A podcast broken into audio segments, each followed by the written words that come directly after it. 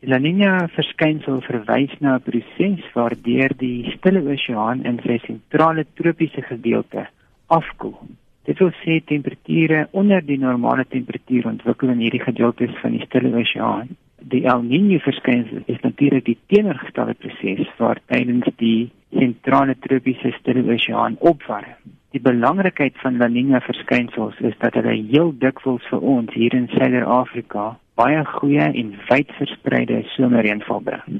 Wanneer verwag julle hierdie weerpatroon?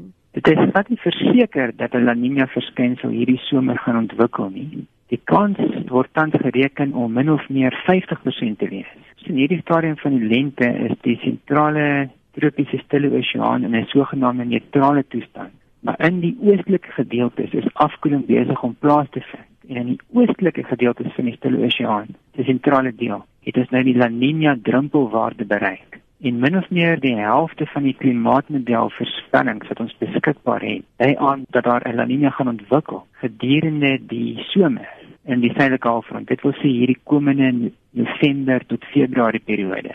So as ek genoem het die kans daarvoor is min of meer 50% En as hierdie La Niña verskynsel gaan realiseer, dan het ons natuurlik 'n uh, billike kans op goeie somerreënval, net soos wat ons gesien het veral teen die einde van die vorige somer, die somer van die jaar 2016-17.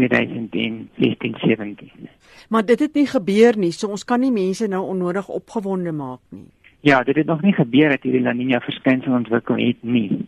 So as ons dit ons doel wil maak om 'n bietjie goeie nuus te versprei, dan kan ons sê dat die kans dat ons hierdie komende somer 'n El Niño verskynsel gaan hê. En El Niño bring gewoonlik natuurlik droogte na ons streek. Die kans daarvoor is uiters skraal. So ons gaan of te maak hê met 'n sogenaamde neutrale toestand of met 'n La Niña verskynsel. Nou 'n La Niña verskynsel waarborg ook nie goeie reën nie. Dis maar net dat die vooruitsigte of die kans vir goeie reën beter is as wanneer ons 'n uh, sogenaamde El Niño jaar het. Nou as die La Niña verskynsel nie ontwikkel nie en die Stille Oseaan bly in 'n neutrale toestand dan kan daar byna enigiets gebeur oor ons somerreënvalstreek.